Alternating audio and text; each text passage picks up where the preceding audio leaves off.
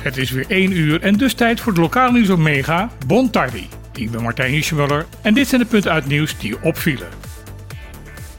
Bonaire Sint-Eustatius en Saba worden door Nederland onder curatele gesteld als het gaat om het uitgeven van natuur- en milieuvergunningen en de handhaving daarvan. Dit schrijft de verantwoordelijke bewindspersoon, staatssecretaris Heijnen, aan de Tweede Kamer.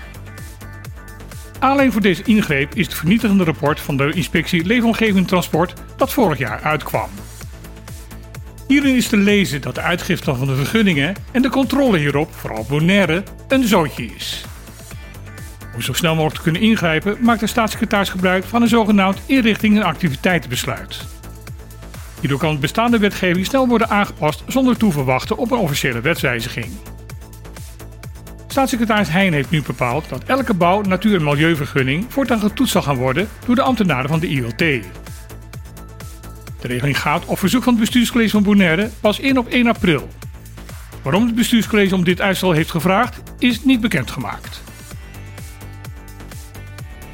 De komende dagen zal op Sint Maarten intensief overleg plaatsvinden tussen de eilandsraden en bestuurscollege van de drie BES-eilanden. Het onderwerp de door Den Haag voorgestelde wijzigingen in de wet openbaar lichamen en de wet financiën openbaar lichamen. Deze twee wetten zijn de juridische basis onder het openbaar bestuur op de eilanden van Caribisch Nederland. Alle stakeholders in zowel Europees als Caribisch Nederland zijn ervan overtuigd dat deze belangrijke wetgeving nodig aan revisie toe is.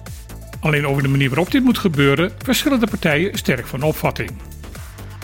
De grootste krachten vanuit de Caribische kant zijn dat bij de aangepaste wetgeving de drie verschillende eilanden over één kam worden geschoren en dat de wetgeving te veel uit alleen Haags perspectief is geschreven. Om sterker te staan willen de eilanden zoveel mogelijk een gesloten front vormen. Na het onderlinge overleg op Sint Maarten zal snel daarna de discussie met Den Haag aangegaan worden. Laten we elkaar helpen om vooruit te komen en niet in negativisme vervallen.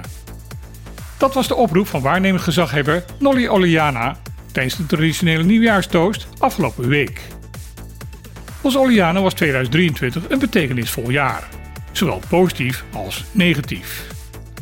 Aan de negatieve kant noemde hij de politieke onrust, de steeds verder toenemende vervuiling van het eiland en de grote hoeveelheid verkeersbekeuringen het afgelopen jaar. Positief beoordeelde de gezaghebber de grote demonstratie in mei, de toezegging dat minimumloon sterk wordt verhoogd en de heropening van de grenzen met buurland Venezuela. Volgens Oliane kunnen we de grote problemen waarvoor we de komende jaren staan het hoofd bieden door de uitdagingen met een positieve geest te benaderen. Momenteel zijn er op Bonaire geen patiënten opgenomen in het ziekenhuis Mariedal met ernstige covid- en griepklachten. Dat zegt dokter Michael Mercure, het hoofd van de afdeling publieke gezondheid. Volgens Mercure is er momenteel ook geen sprake van sterke toename van luchtweginfecties zoals COVID-19 en griep op het eiland. Daarmee verschilt de situatie op Bonaire sterk met die van de buureilanden Aruba en Curaçao. Daar is juist momenteel wel een flinke stijging van het aantal COVID-gevallen. Mercure benadrukt dat de situatie op Bonaire gunstig is, maar dat dit snel kan veranderen. Er is namelijk veelvuldig personenverkeer tussen de drie eilanden. Daar benadrukt de arts dat preventieve maatregelen nog steeds noodzakelijk zijn.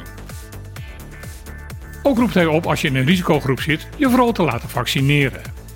Voor griep kan dat bij de huisarts. Voor COVID moet er afspraak gemaakt worden via telefoonnummer 0800 0800.